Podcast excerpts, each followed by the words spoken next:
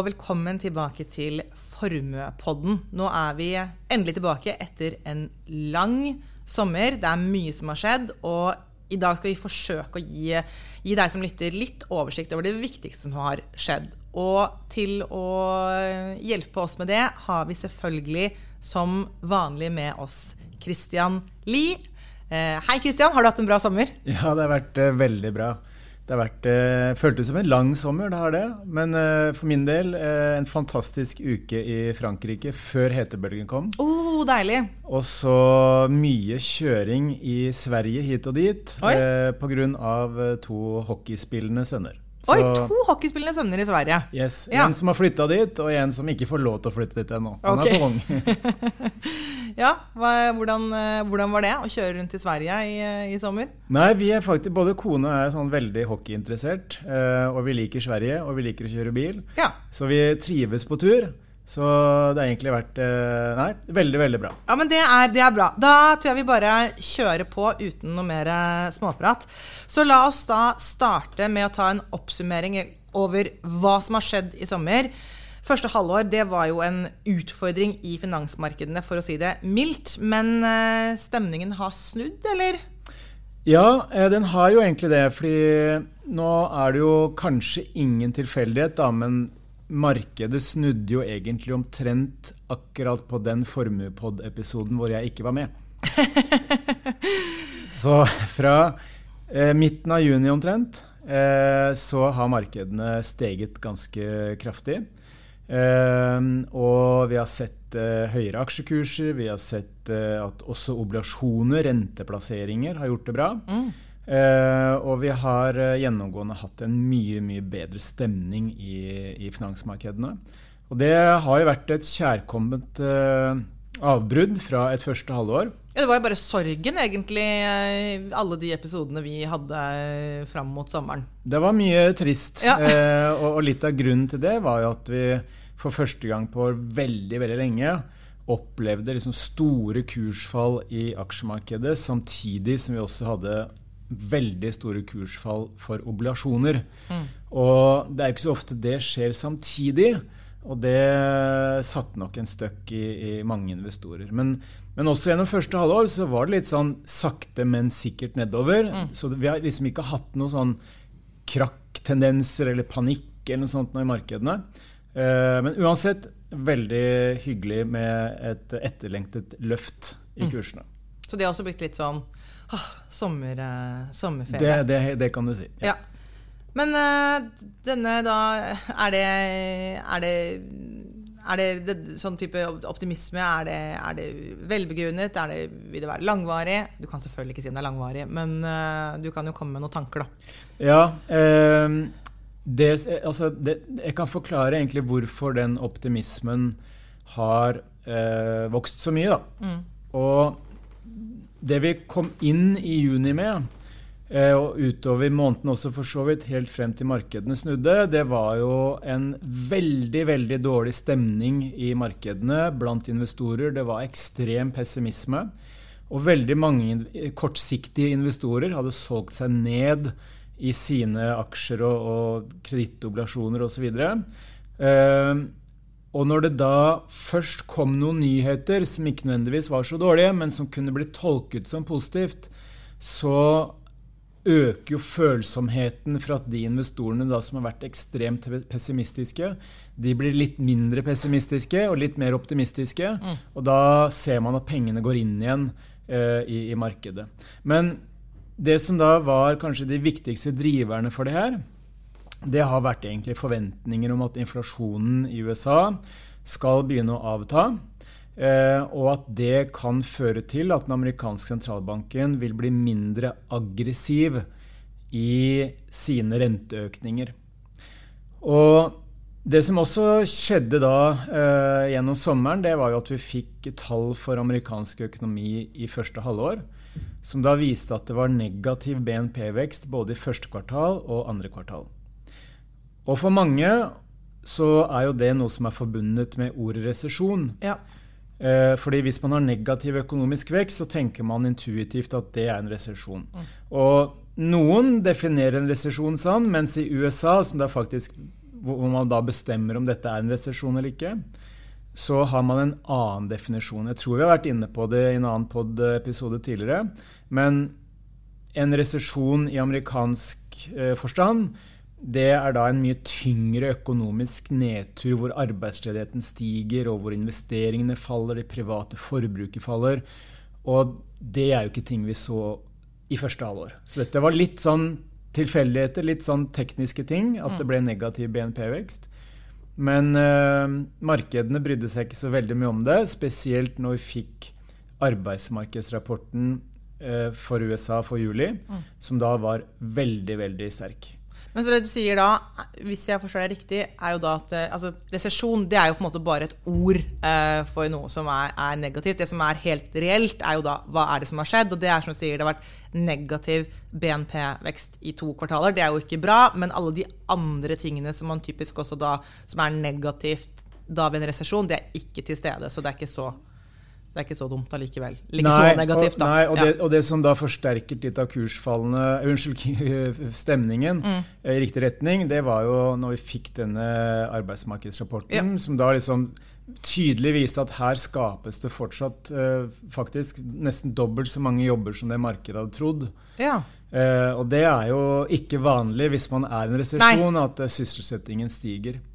Uh, men på spørsmålet om, om, dette er velbegrunnet eller ikke, så ja. er det jo veldig delte meninger. Fordi noen mener at dette er det vi har sett av gjennom sommeren nå, det er et såkalt uh, bear market rally. Mm -hmm.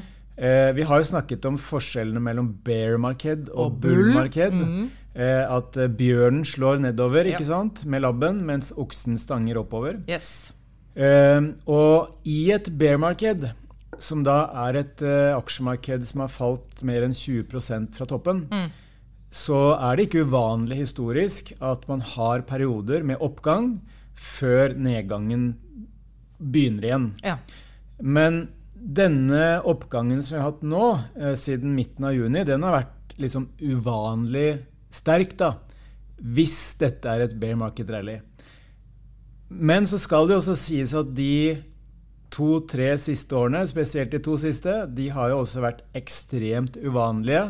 Ja. Med pandemi, voldsom stimulanse fra myndighetene. Vi har hatt disse forsyningskjedeproblemene. Vi har hatt uh, krigen i Ukraina, matvarepriser, energipriser, alt det her. Så det heter, heter, seg jo at det farligste ordet i finans er 'this time is different'. Men i, i, i, mitt hode så, så er nok eh, denne kursoppgangen den er hyggelig. Men jeg har litt på følelsen av at den lever litt på lånt tid.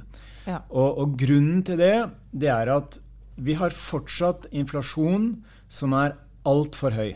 Ja. I USA så har vi altså en inflasjon som da falt fra 9,1 til 8,5.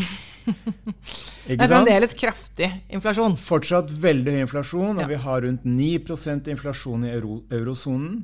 Og inflasjonen også i Norge har liksom bikka 6% Så vi ligger fremdeles på da en inflasjon i Europa på, som største på 40 år, eller noe sånt? Er det ikke absolutt, det vi snakket om? Absolutt. Ja, mm. Så alt dette tyder jo på at uh, ok, selv om inflasjonen i USA liksom har begynt å bikke litt ned, så betyr ikke det at sentralbanken i USA eller sentralbanken i Europa har så veldig mange andre valg enn å fortsette å heve styringsrentene. Ja. Og når det da vet at inflasjon er i ferd med å tynge kjøpekraften for husholdningene Det er, det er liksom dyrt å, å, leve og være husholdning og ha et sånn husholdningsbudsjett som blir trangere og trangere. Vi kjenner jo alle det. Alle kjenner jo det, hvordan det påvirker Absolutt. oss. Mm. Og, og når, når, styringsrentene og dermed boliglånsrentene, rentene for bedrifter, eh, skal videre opp, så betyr jo det at alt dette her er i ferd med å skvise økonomien. Og da, det ser vi også på en del økonomiske nøkkeltall. Nå fikk vi eh, nøkkeltall fra kinesisk økonomi på buss for tog i dag tidlig. og før jeg kommer til de buss for tog-tallene, så har jeg lyst til å bare nevne en liten, sånn, det er en liten digresjon. Men det forklarer egentlig ganske godt hvorfor noen av de kinesiske tallene var så dårlige. Fordi, Jeg vet ikke om du har vært på Ikea i løpet av sommeren? Eh, jo, det, jeg var, var på Ikea tidligere i sommer, jo. Mm. Eh, Hvilken Ikea var du på da? Furuset. Furuset, ja. Ja. Der har jeg vært også. Men tenk deg selv om du er godt i gang eh, med, med rundene på Ikea, Ja. og det er masse folk, dette er en lørdag, ja. og plutselig så får du høre over høyttaleranlegget at eh, myndighetene har nå bestemt at eh, det umiddelbart stenges inngangsdørene og utgangsdørene. Ikke lov å forlate lokalet. Eh, på grunn av at uh, en nærkontakt av en covid-smittet har besøkt senteret i løpet av de foregående dagene. Oi. Jeg vet, jeg, jeg, På, på Ikea Furuset så, så, så høres jo det helt usannsynlig ut kan skje at norske myndigheter stenger Ikea Furuset fordi en nærkontakt har vært der. Ja, Det høres jo helt usannsynlig ut. Det høres også ut som et, eh, et helvete på en lørdag å bli stengt inne på Ikea og ikke få lov til å, til å gå ut. Så det er, mange, det er mye jeg tenker rundt dette. Trøsten er sofaer, senger og billig laks. Men selv om dette høres usannsynlig ut på Ikea Furuset, så er det det som skjedde i Shanghai på lørdag. Oi. Så der var det Det er lagt ut eh, bilder eller videosnutter på, på sosiale medier. rett og slett Det er panikk blant de som er inne på Å, dette herregud. senteret. De skriker og de stormer mot utgangsdørene, som myndighetene da bare rett og slett forsegler og stenger. Og, og det her forklarer litt av hvorfor stemningen blant kinesiske husholdninger, altså privatpersoner, er ganske dårlig nå. Og tilliten til politikerne er frynsete. For du kan tenke deg selv, Hva hadde du tenkt om norske myndigheter dersom de hadde stengt Ikea Furuset? Nei, det går jo ikke an i Norge. Jeg får helt frysninger av å høre, høre historien. Så, men, men for å gjøre en lang historie kort, da. Så de nøkkeltallene vi fikk fra kinesisk økonomi, de var veldig skuffende. Og Det er da tall som kom nå mens du satt på buss for tog fra Hamar i dag tidlig. Ja. Det er riktig. Mm gjøre? Og det vi da fikk nøkkeltall for, det var bl.a. industriproduksjon, som da tynges av at myndighetene faktisk har litt sånn energirasjonering. Eh, Pga. høye energipriser, selv om kineserne er veldig glad i, glad i å bruke kull om dagen. Eh, og så fikk vi skuffende tall for det vi kaller detaljhandelsvekst. Altså hvor mye penger er det kinesiske privatpersoner bruker i butikkene. Og der var det snakk om en vekst på 2-3 eh, sammenlignet med samme periode i fjor. Og det er langt, langt under normalen. Så Hva, hva er normalen, for å sammenligne? ja, Det er litt avhengig av hvilken tidsperiode man ser på. Ja. Men uh, for noen år siden så var det ikke unormalt med, med 10% vekst i Oi, detaljhandelen og nå er det i 2 Kina. så vi er, på, eh, vi er på 20 av normalen, ja. Mm. Ganske kjedelige nivåer. Mm. Så stemningen i kinesisk økonomi den var ganske bra på forsommeren, når de fikk litt kontroll på covid og åpnet opp igjen. Men nå er det tegn til at eh, ting bremser opp igjen. Og det førte også til at sentralbanken i Kina senket sine styringsrenter nå i, i helgen. Så der er det litt sånn dårlig feeling på at økonomien er i ferd med å bremse opp igjen. Og litt av det samme ser vi i Europa. Uh, I Storbritannia negativ BNP-vekst. Og Bank of England, altså den engelske sentralbanken, de forventer faktisk fem kvartaler på rad med negativ BNP-vekst i Storbritannia. Og da begynner vi å nærme oss resesjon.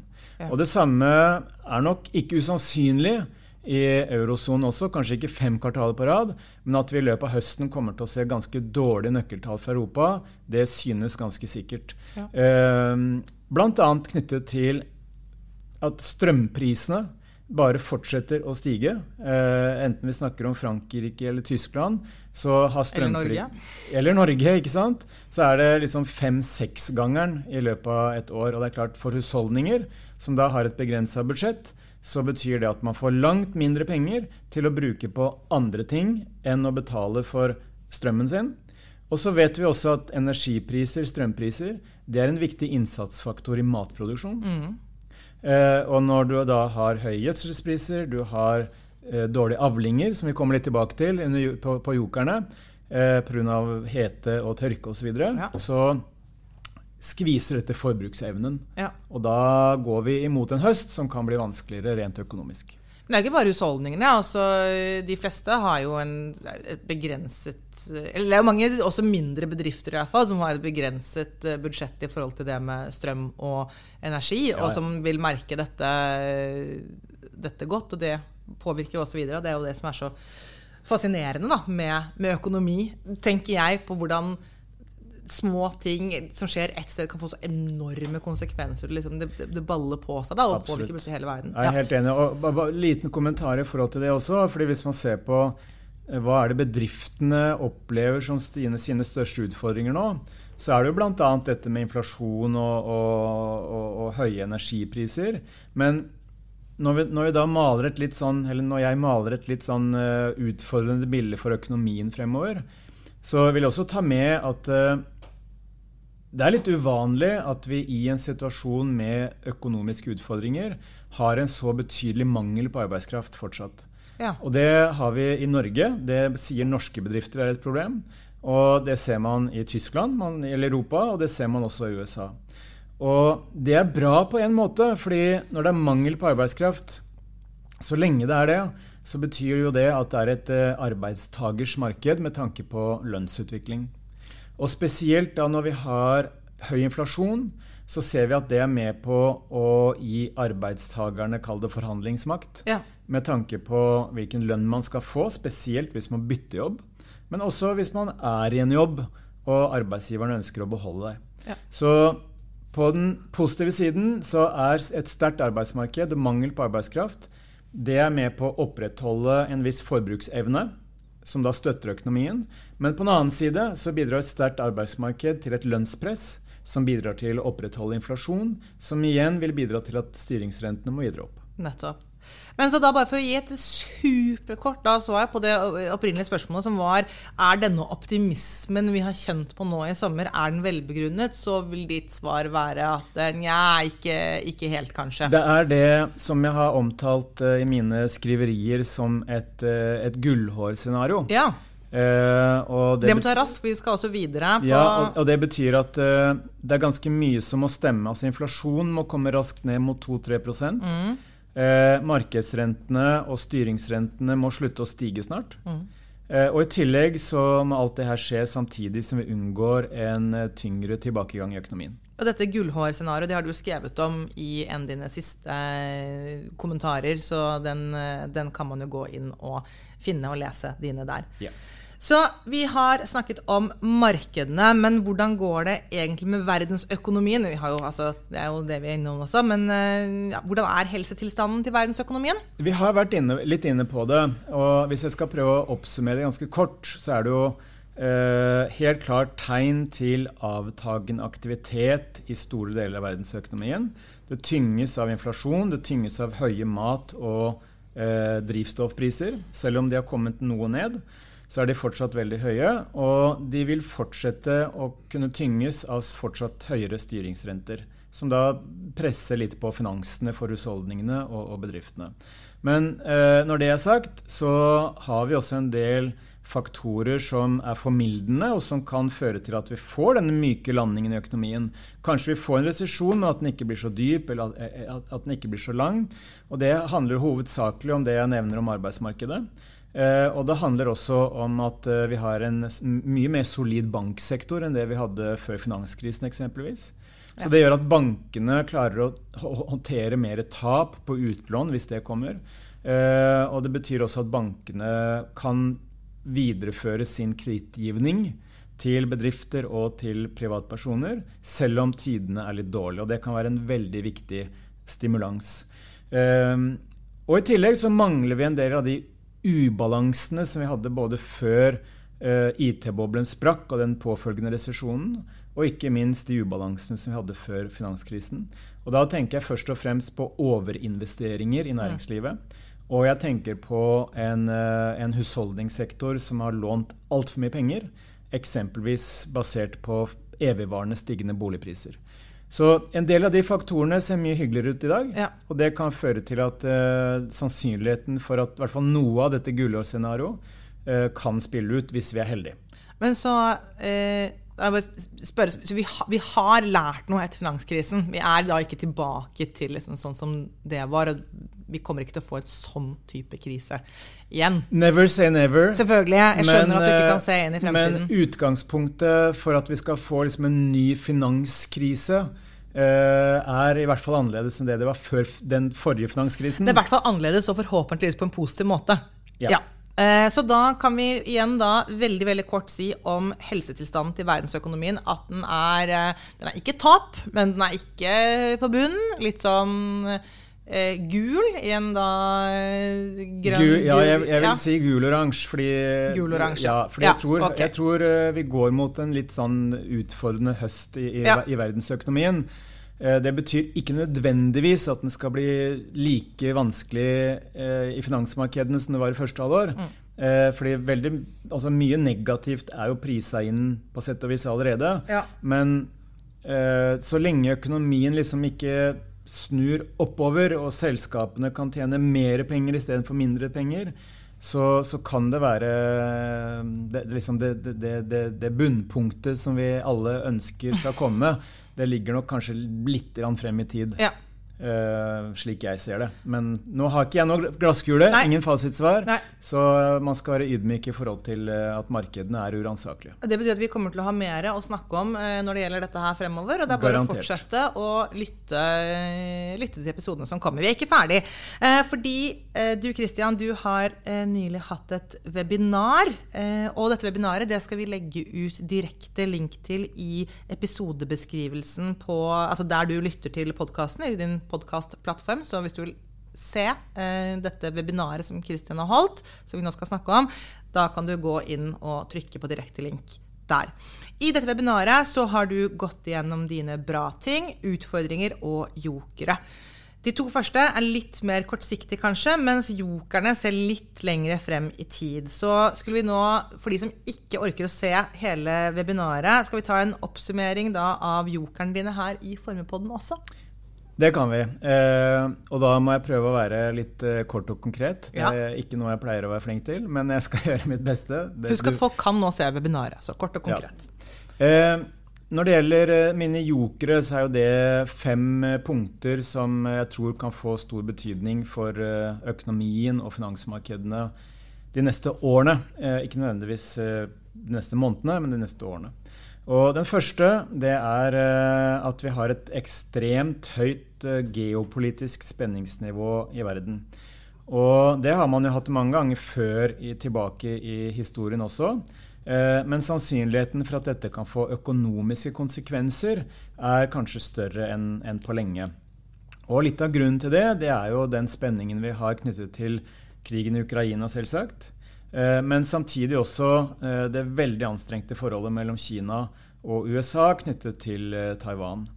Og det som også er interessant oppi dette geopolitiske bildet, det er jo at man nå ser tendenser til at man får en, en globaliseringsprosess som bremser litt opp. Vi ser at uh, Tyskland eksempelvis, som da har gjort seg avhengig av Russland med tanke på energi, som de prøver å omgjøre, så er Tyskland også avhengig av Kina rent økonomisk med tanke på all den eksporten som de gjør til, til Kina.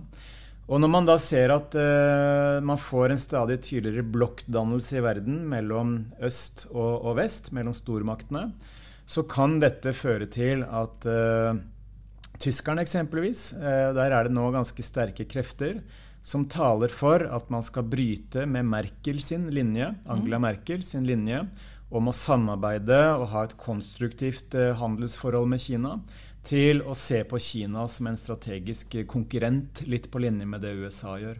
Og Det kan føre til at eh, tyskerne også prøver å bli mindre avhengig av Kina rent økonomisk. Eh, og det er klart det eh, sammenfaller med en tendens vi ser om at eh, vi ikke har globalisering, men vi har regionalisering. Hvor man i større grad ønsker å handle med sine allierte fremfor med sine det antagonister. Da, rent politisk og geopolitisk. Så det er klart at eh, eh, Som en kuriositet så kan vi også nevne at eh, mellom 85 og 90% av de innsatsfaktorene som går med i å lage et batteri til elektriske biler, kommer fra Kina. Ja. Og, og hvis kineserne skulle bestemme seg for at eh, fra og med i morgen så får ikke eh, kinesiske eksportører lov til å eksportere disse råvarene til eh, Europa eller USA, så er det klart da vil Volkswagen og Audi og Tesla osv. de vil kunne få problemer med å eh, få de innsatsfaktorene de trenger. Nå har jo Tesla egne batterifabrikker på gang. da. Men, ja, men de er fremdeles avhengig av råvarer fra, fra råvar, Kina? Råvarene må de ha uansett. Eh, så det, det, vil kunne det, det, Et eksempel da, på hvordan geopolitisk spenning kan gi konkrete utfordringer eh, for næringslivet. Mm.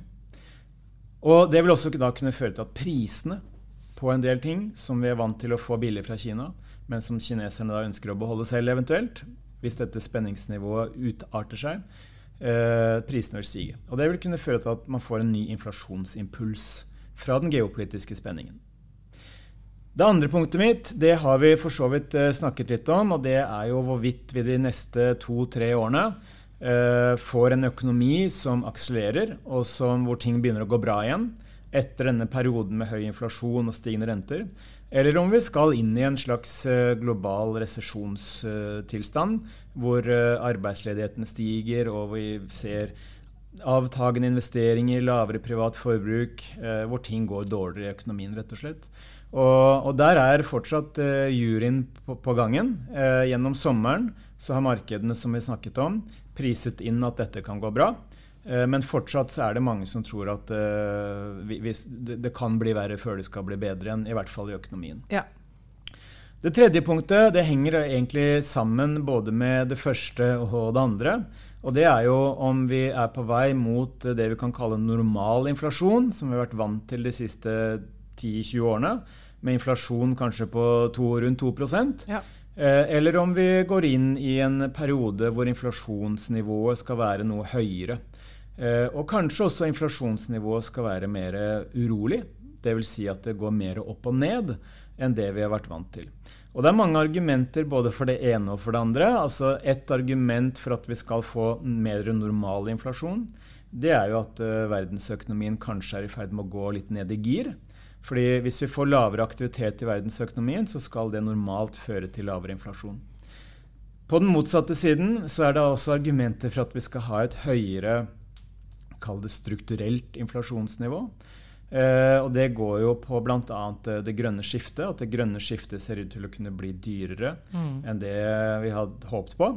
Eh, og i tillegg så vet vi at denne geopolitiske spenningen som vi har vært inne på, også kan gi en del ringvirkninger som er med på å løfte inflasjonsnivået. Et eksempel der det er jo at uh, denne oppbremsingen i globalisering da, det betyr jo bl.a. at en del vestlige bedrifter. De ønsker nå å knytte forsyningskjedene sine eh, nærmere sin eget hjemland, eller i hvert fall hos allierte land, hvor den politiske risikoen er lavere. Og når man da må investere i ny, eh, nye lagre, nye produksjonslokaler osv., så, videre, så er det en positiv driver, fordi det gir penger inn i økonomien. Men samtidig så vet vi at kostnadsnivået i Vesten er høyere normalt sett enn det det er i Kina eller Taiwan eller i Asia. Og dermed så kan også den eh, regionaliseringen da, av verdikjeder også bidra til inflasjon. Den nest siste jokeren det er eh, et punkt vi har snakket om før, og som du også kan mye om, Sunniva. Det er jo dette med eh, om vi får en energikrise mm. i overgangen fra fossil energi til fornybar energi. Og det har vi jo for så vidt i dag. Det er jo en del som tyder på at vi får det, ja. ja. Vi, vi, har, vi, har, jo en energikrise i dag, ja. og spesielt i Europa så er det utvilsomt de høye gassprisene, de høye strømprisene, som kan bli tungen på vektskåla, som får økonomien til å bli veldig dårlig. Mm. Og det er klart at eh, Når man da har investert eh, for lite i olje- og gasskapasitet, bl.a. pga. ESG og denne transisjonen som alle investorer vet er på gang, og som vi må eh, akselere, så har det vært eh, liten vilje til å investere nok i ny oljekapasitet og gasskapasitet. Eh, vi vet også at det er lave lagre eh, av olje og gass. Vi vet at det er lave lagre av ferdigprodukter, sånn som diesel eksempelvis. Fordi det ikke har vært investert nok i raffinerier som omgjør råoljen til diesel eksempelvis. Da. Og vi vet også at Innen fornybar energi så går det litt for sakte. Det er vel av den totale energiproduksjonen i verden så står fornybare energikilder, hvis vi inkluderer kjernekraft, fortsatt for mindre enn 15% av totalen. Og det betyr at når det da underinvesteres i fossil, og det skiftet til fornybar ikke går fort nok, så kan det bli mer urolige energipriser, og kanskje høyere energipriser enn det vi har vært vant til. Og Det kan også påvirke økonomien, det kan påvirke inflasjonen, og det kan påvirke rentene, og det er dermed også økonomien og finansmarkedene. Jeg må bare si at jeg liker at du inkluderer kjernekraft i de fornybare. Jeg er selvfølgelig helt enig i det, men det er ikke så vanlig å gjøre det. Og bare det jeg vil bare påpeke da, Nå sitter ikke jeg med det eksakte tallet her, men du sier at 15% av energien er da kjernekraft og de vanlige fornybare, som man tenker som sol og vind og vann osv., så, videre, så utgjør de, de vanlige fornybare en, også en totalt sett en mindre andel enn det kjernekraft gjør. Da. Så det, er, det er lite. Eh, det, er, det er relativt lite. Mm. Yes. Eh, så det er da jokerne, og det er jo Ja, joker er jokere. Ja, vi har en, faktisk én joker, eh, og det er litt sånn relatert til energisiden, det også. Mm. Og det er det jeg kaller at klimaendringene er i ferd med å forstyrre eh, produksjonen av mat og energi. Og at klimaendringene også kan utløse mer drastiske politiske tiltak. Og For å være ganske kort på det, da, så vet vi jo at eh, når vi da har stadig høyere temperatur i verden, vi ser at det er stadig større omfang av tørke, hete eh, og flom, eh, naturkatastrofer, så ser vi at det påvirker avlingene av hvete, av ris, av mais osv. Eh, det ser vi i India, vi ser det i Europa, vi ser det i USA. Og over på ditt område, energisiden, så vet vi at uh, varmt uh, vann i elvene i Frankrike, som da brukes til å kjøle ned atomreaktorene i Frankrike, mm. det vannet har vært for varmt, og det har sammen med, som du påpekte før sending, planlagte Eh, vedlikeholdsnedstengninger ja. bidra til at uh, samlet sett kraftproduksjon fra franske atomreaktorer er nå på rundt en tredjedel av normalen. Og det påvirker jo prisene da ganske prekært. Post, ja, ikke sant. Og bare for å fortelle om det også. Eh, vannstanden i Rhinen er jo også ekstremt lav. Mm. Og det bidrar til at de båtene som normalt da må frakte kull inn til tyske, sveitsisk industri, eller til kraftproduksjon, Eh, de båtene eh, klarer ikke å holde samme last som de pleier å, å, å føre. Og dermed så må de kjøre flere turer eh, for å tilføre like mye kull da, til disse kraft, kraftverkene. Og det øker jo prisen samlet sett ja. mm. på transporten. Og det bidrar også da til høyere strømpriser samlet sett. Så man har liksom en sånn nesten en sånn perfekt storm ja. i europeiske energimarkeder i øyeblikket, hvor uh, det nesten ikke maken, har vært maken til uh, ja, uheldige omstendigheter som inntreffer samtidig. Det er virkelig sånn alt skjer på en gang her nå. Men bare for da rask oppsummering om elvene. Elvene er viktige, og hvis det er for lite vann og de er for varme i tillegg, så har det veldig negative Eh, konsekvenser. Men til slutt, Christian. Nå har vi tatt en liten runde i markedene og økonomien, og vi har snakket om dine jokere. Og kunne du da helt til slutt forsøkt å oppsummere hvordan du ser på markedsutsiktene fremover? Ja, og da er det seks korte punkter. Ja. Eh, og for de som leste min forrige ukes kommentar, så blir denne oppsummeringen faktisk ganske kort.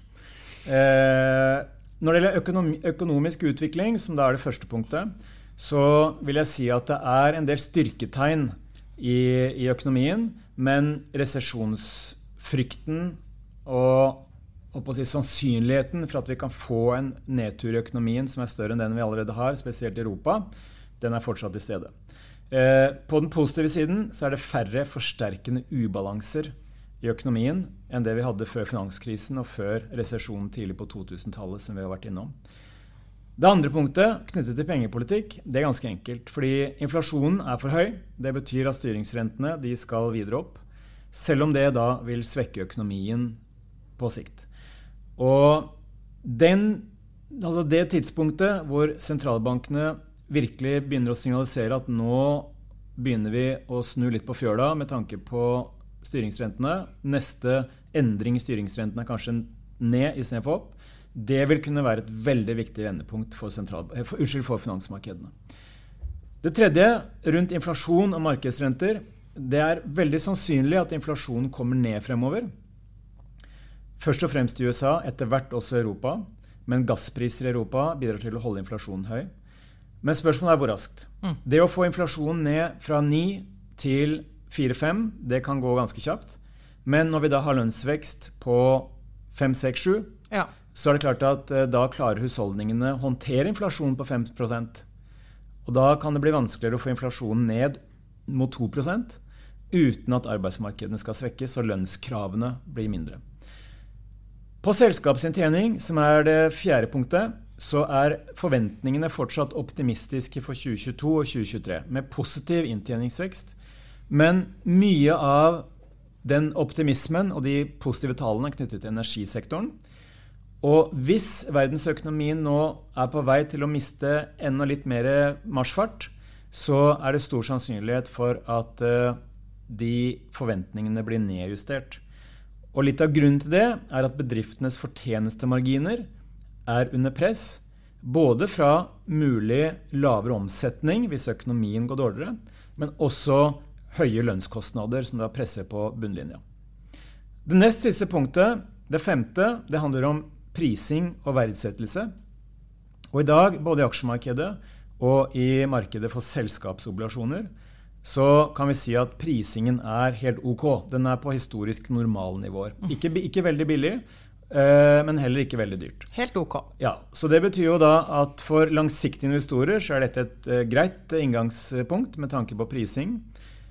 Men ingen, ingenting tilsier at prisingen er på en måte eh, Tar ikke høyde for en resesjon. Mm. Om det skulle komme. Det siste punktet går på investorpsykologi og, og, stemning blant investorene. Og vi har hatt et sommerrally som eh, gikk fra utpreget pessimisme til det jeg kaller en myk landing-optimisme. Eh, så får vi se da om gullhår treffer eller ikke på alle tre punktene. Men det siste jeg vil si, er at det er veldig stor uenighet blant analytikere og investorer om hvor retningen går videre. Noen er veldig optimistiske, mens andre er veldig pessimistiske. Så Estimatene og prognosene spriker i alle retninger. Mm. Og det er jo nok en gang et argument for hvorfor man ikke skal prøve å time disse markedene. Nettopp, nettopp. Og da, avslutningsvis, så eh, henvender jeg meg nå direkte til dere som lytter. Eh, fordi Kristian og jeg vil jo Vi skal fortsette med Formuepodden, og vi vil jo at den skal bli så god som mulig, og det dere har lyst til å lytte til. Og, men da må vi vite hva dere, hva dere, liker at vi snakker om, og hvordan vi gjør det. Så gi oss veldig veldig gjerne en liten kommentar på LinkedIn, både om det er noe dere vil ha mer av, eller om det er noe dere vil ha mindre av. Eh, så det hadde vært helt supert hvis dere gjør det, for da, vi, eh, da tilpasser vi oss. Eh, og med det så eh, må jeg bare si uh, tusen takk til Christian Lie, sjefstrateg i Formue. Nå er vi i gang igjen med sesong nummer to av Formuepodden. Jeg er Sunniva Rose, og tusen takk til deg som lytter.